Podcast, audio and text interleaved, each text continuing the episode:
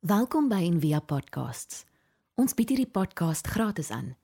Om 'n bydrae te maak, besoek gerus ons webblad en via.org.za vir meer inligting. Goeiedag en Via baie dankie vir die geleentheid om weer saam met julle te kan wees.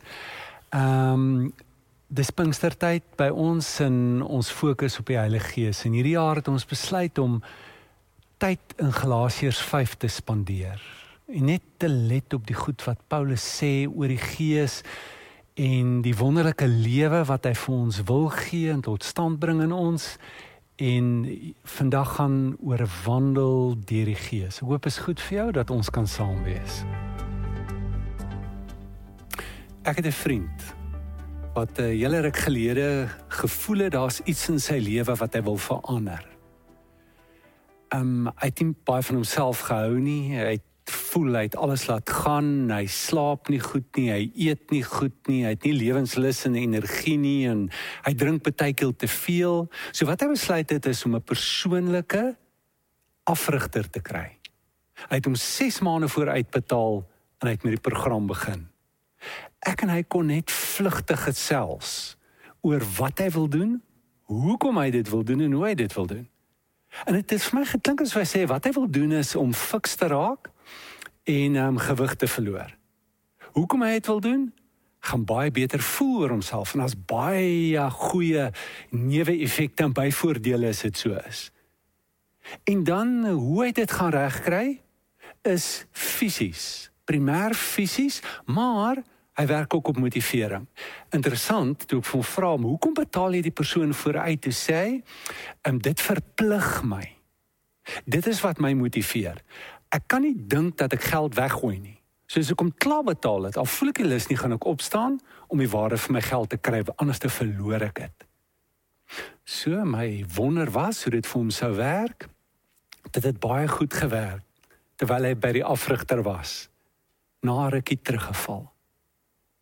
En dit het my baie laat wonder oor verandering en hoe ons verandering meebring in ons lewe en ek kon so identifiseer met hom in sy poging om te probeer verander maar hy kon nie regtig verander nie. Dit was kosmeties dit was kontekstueel dis uiterlik dis buitekant maar 'n blywende skuif in 'n diepte verandering kon hy nie beweeg teweeg bring nie.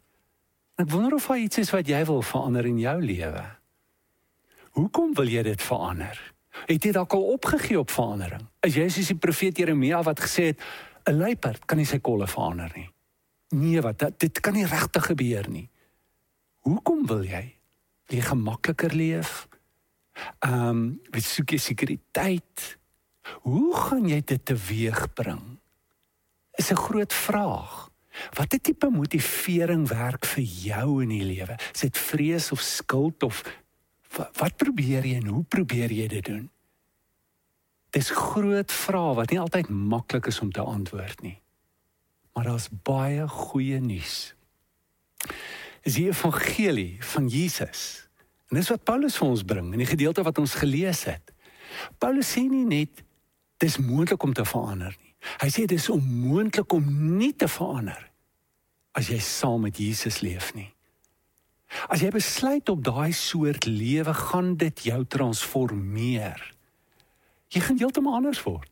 En in vers 22 gee hy 'n beeld, 'n prentjie. Hy hy sê eintlik dis die wonderlike lewe. Jy gaan soos Jesus word. Die vrug van die Gees gaan na vore kom in jou lewe. Liefde, blydskap, vrede, lankmoedigheid, vriendelikheid, goedheid, getrouheid, sagmoedigheid, selfbeheersing en hy sê dit dit is die lewe wat die ware lewe is. Hy sê as baie weergawe is van die lewe, maar hierdie is die ware lewe. Hierdie is die ewige lewe. Dis wat vir altyd bly.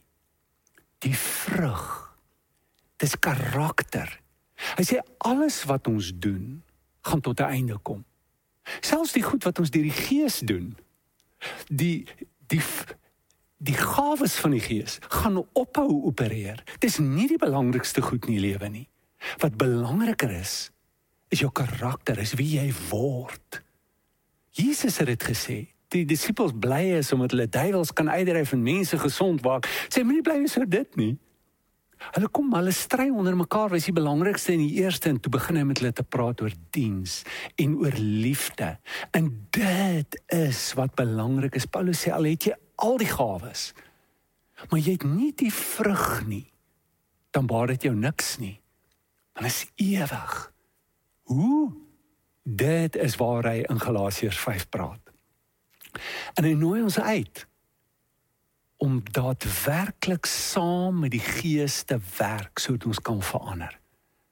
Nou, die eerste groot begrip wat hy ons aan voorstel, is die van die vlees en die gees. En hy verduidelik iets van hoe verandering werk. Hy, hy sê dat daar hierdie twee maniere is van lewe. En hulle is teenoor mekaar. Die vlees begeer teenoor die gees. Dis 'n oriëntasie en jy moet besluit op watter manier gaan jy lewe. Nou wat is die vlees? As ek 'n hedendaagse woord moet gebruik, sal ek dit beskryf as ekkigheid. Dis 'n Nederlandse woord. Uh, ons sal dalk sê ego. En dis baie nader in die Grieks. As Paulus sê ek is gekruisig, dan sê hy eintlik ego is gekruisig. Die message omskryf die vlees as obsessive selfishness. Um evil self-interest. Trying to get your own way all the time. So so die vlees, as ek 'n kort omskrywing moet gee van die dinamika, is 'n oriëntasie tot die lewe. Selfgesentreerdheid. Ek is in die middel van my lewe. Dit bepaal 'n manier van dink. Ek dink in terme van myself. Wat sal my help? Wat het ek nodig? En wanneer ek so begin dink en daaroor begin top, kom daar begeertes in my tot stand. Dan wil ek dit regtig hê. Hierdie begeertes vorm my wil. As ek so leef, dan dan ontwikkel ek 'n obsessiewe wil, 'n kompulsiewe wil. Ek wil dit hê en ek wil dit nou hê. Daardie begeerte gaan lê op 'n plek in jou lyf. Dis interessant.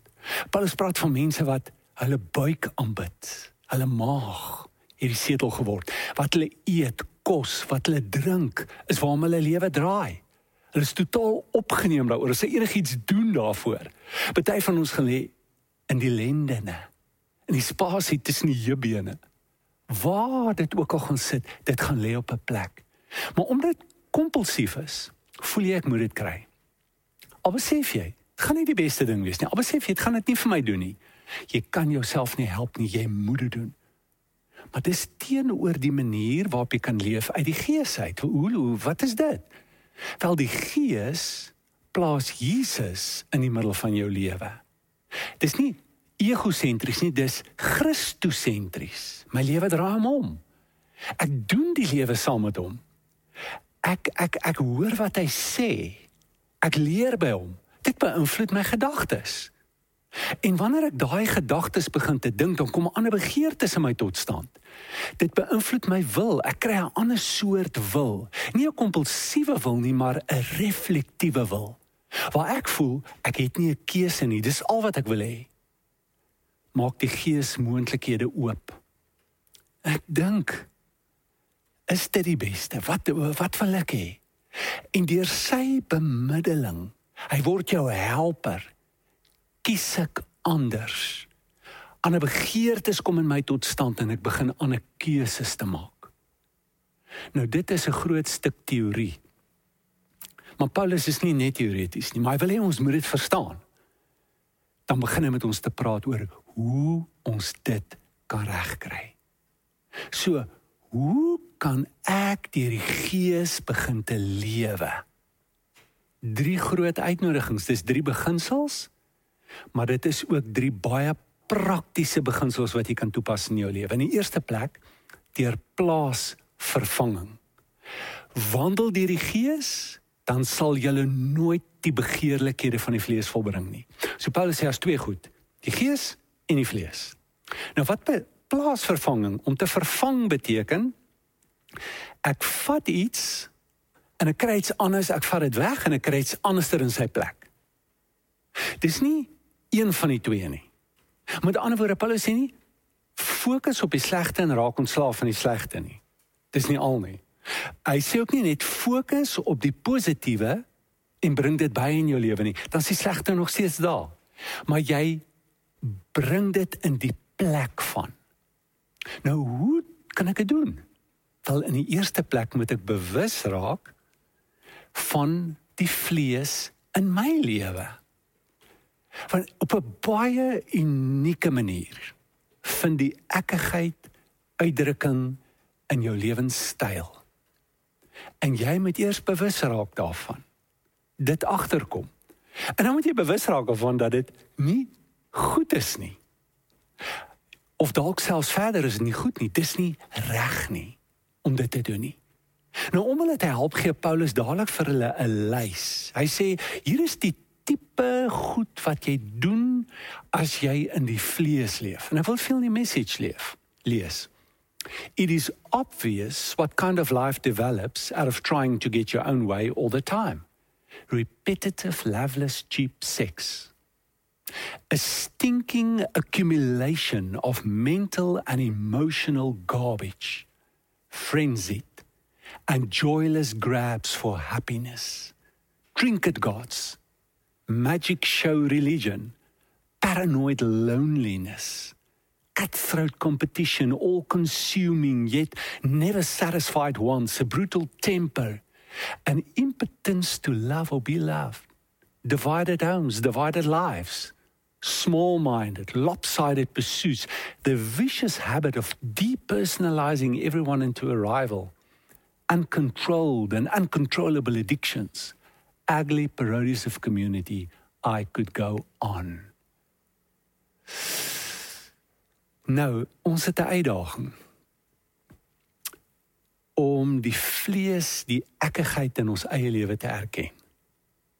Is snaaks. Ons te gawe om dit in al die ander mense se lewens te sien.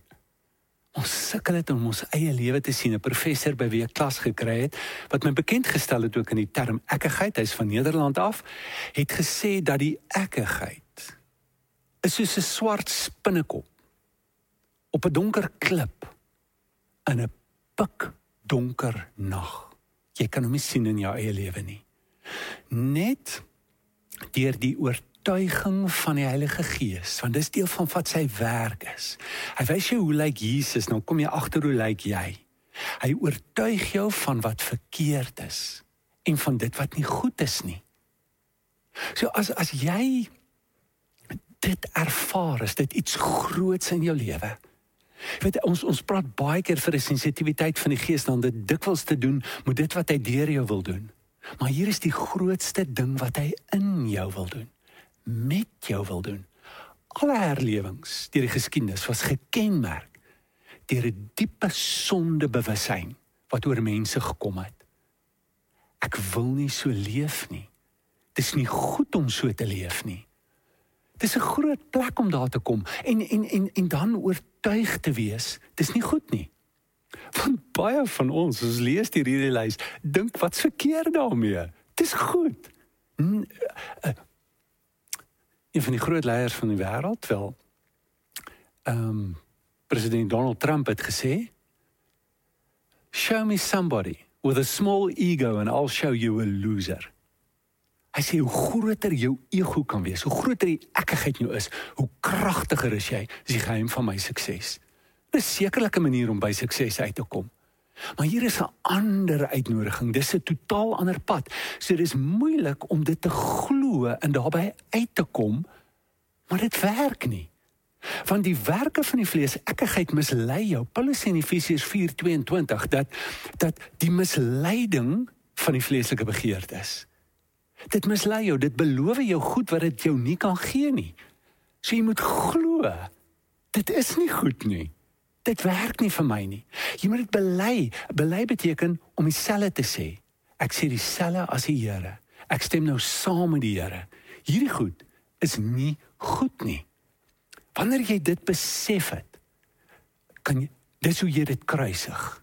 Dit is hoe jy sê tot hier toe ek wil dit nie meer doen nie. Ek sklaam met dit. Maar wat dan belangrik is in, om te vervang, om jou gedagtes te draai na dit wat reg en goed is. En as jy kyk na die vrug, sê jy uit van daar's van die vrug wat baie natuurlik vir jou kom, maar as van die vrug wat jou diep uitdaag. Diep uitdaag. Vul jou gedagtes, sê Paulus, Filippense 4:8, met alles wat goed is, alles wat mooi is, alles wat reg is. En die vrug van die Gees is dit.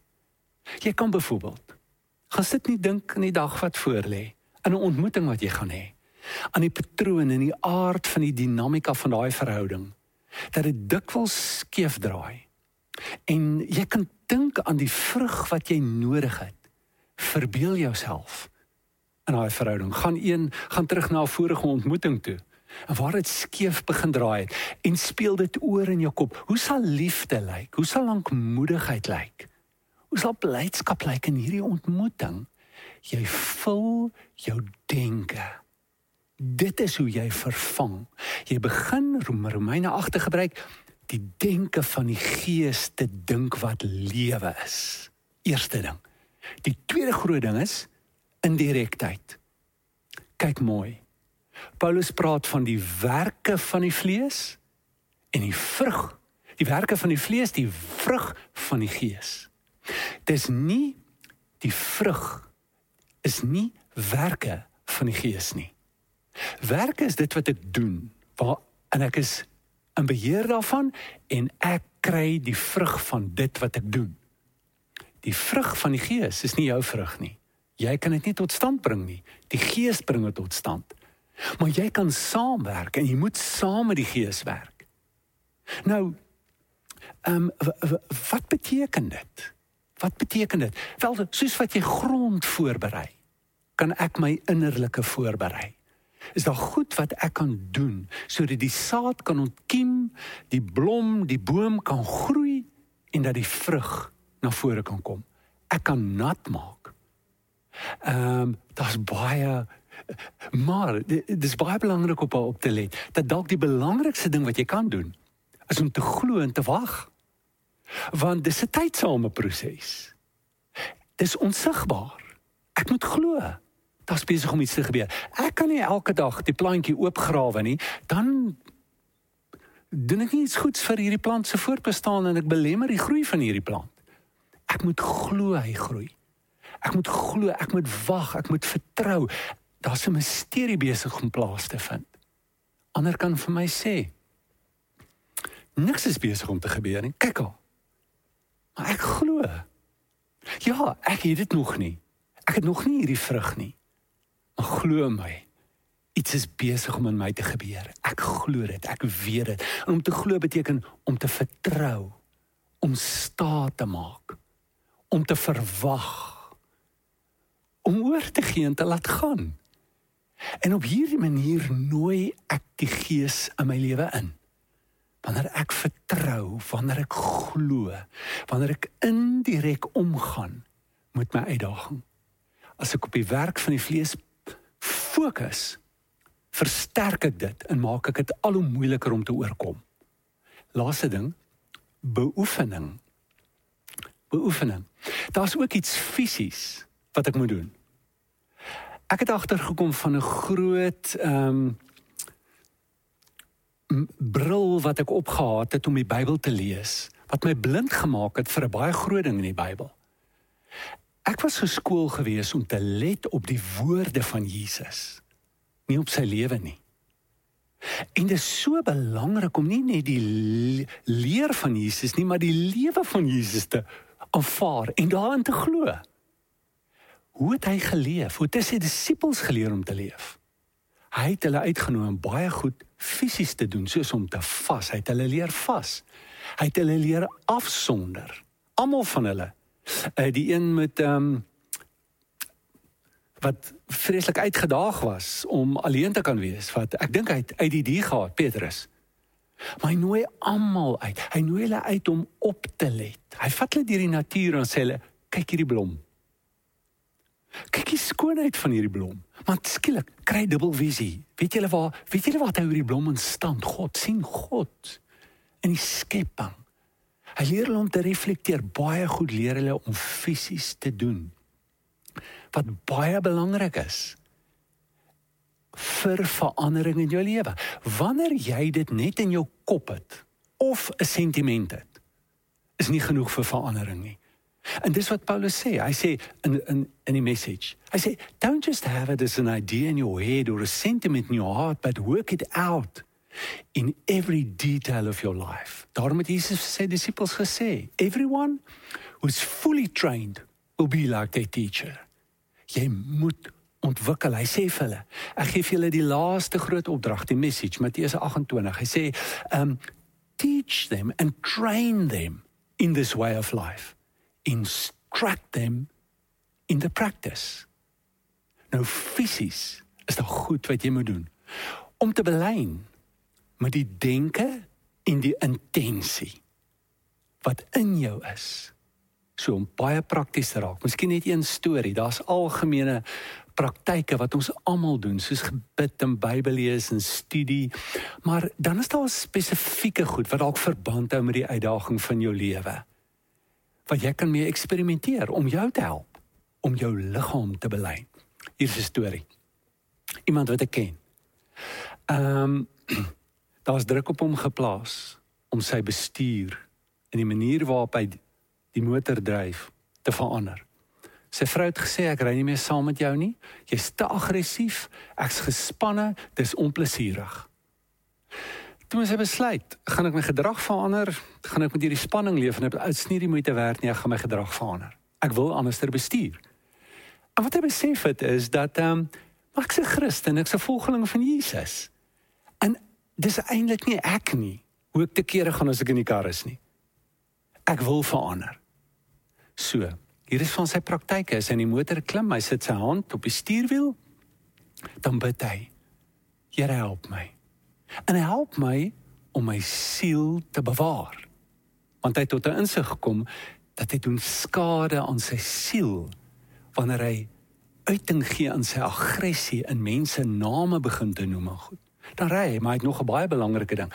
Die oomblik wat ek reaktief is, en hy raak veral reaktief as iemand verkeersreëls oortree en die verkeerde kant verbygaan of voor hom indruk, dan gaan ek diep asemhaal. Ek gaan nie dadelik praat nie. Ek wil 'n wag voor my mond sit, ek bly stil. En dan gaan ek die Jesus gebed doen. Jesus Christus, wees my genadig. 5 keer diep asemhaal met hierdie gebed. En dan gaan ek 'n kort gebed doen vir die ander persoon. Ek gaan die Here vra om daardie ander persoon by te staan. Dalk is hy op 'n slegte plek waar hy ook al is, dis wat ek hom gaan vra. En in die aand reflekteer ek oor die dag wat verby is. En dan vra ek die Here, ehm um, help my help my hoe wat ek gedoen het vandag en hoe dit was. Help my vir die toekoms as ek moet ingaan. En lei my, bring skrifte na my toe, praat met my. Dit het op 'n geweldige reis gesit. Hy hy hy het uitgevoel, hy wil self in 'n taxi klim en ry en kyk hoe is dit. Sy oë het oop gegaan. Hy voel heeltemal anderster toe hy die uitdaging sien wat dit behels om 'n taxi drywer te wees. Hy hy, hy het agtergekom dat ek kan nie net sommer vir iemand sê raak aan jou bobbejaan en dit maak nie my saak nie. Ek wil mense seën. Ek wil op 'n plek toe gaan om mense die visie het in hom gegroei. En ehm um, uh, uh, in sy woorde, hy sê ek het iets ontdek. My mediese fonds het 'n app wat vir jou sê hoe bestuur jy. Sy weet jy ek kon vir jare nog nooit punte kry nie. Vir die eerste keer in my lewe is ek besig om ek besig om te groei. Ek is besig om beter te raak. En my nou diep plekke toe gevat. Ek het byvoorbeeld uitgedink dat ek ry met 'n sens van entitlement en voel ek moet in beheer wees. En sien dit nie kar nie. In die kar kom dit in 'n ongesofistikeerde manier en op 'n lelike manier uit, maar op 'n baie gesofistikeerde manier speel hierdie oriëntasie uit in my gesin en ook by my werk. Ek wil dit verander en ek's op 'n wonderlike reis. Waar's jy? As jy op 'n plek, hoe lyk jou droom om te verander? Hoe dink jy daaroor? Hier's 'n uitnodiging om hierdie lewe diep saam met Jesus te doen. Kom ons doen 'n gebed saam. Vader, Baie dankie vir die lewe wat U vir ons gee. Ons dankie dat U vir ons 'n groot droom gee, 'n visie van hoe dit kan wees. Dankie vir die motivering, die bystand om in hierdie lewe in te gaan. Help ons en leer ons in die naam van Jesus. Amen. Ons hoop van harte jy het hierdie podcast geniet of raadsaam gevind. Besoek gerus en via.ok.za vir meer inligting.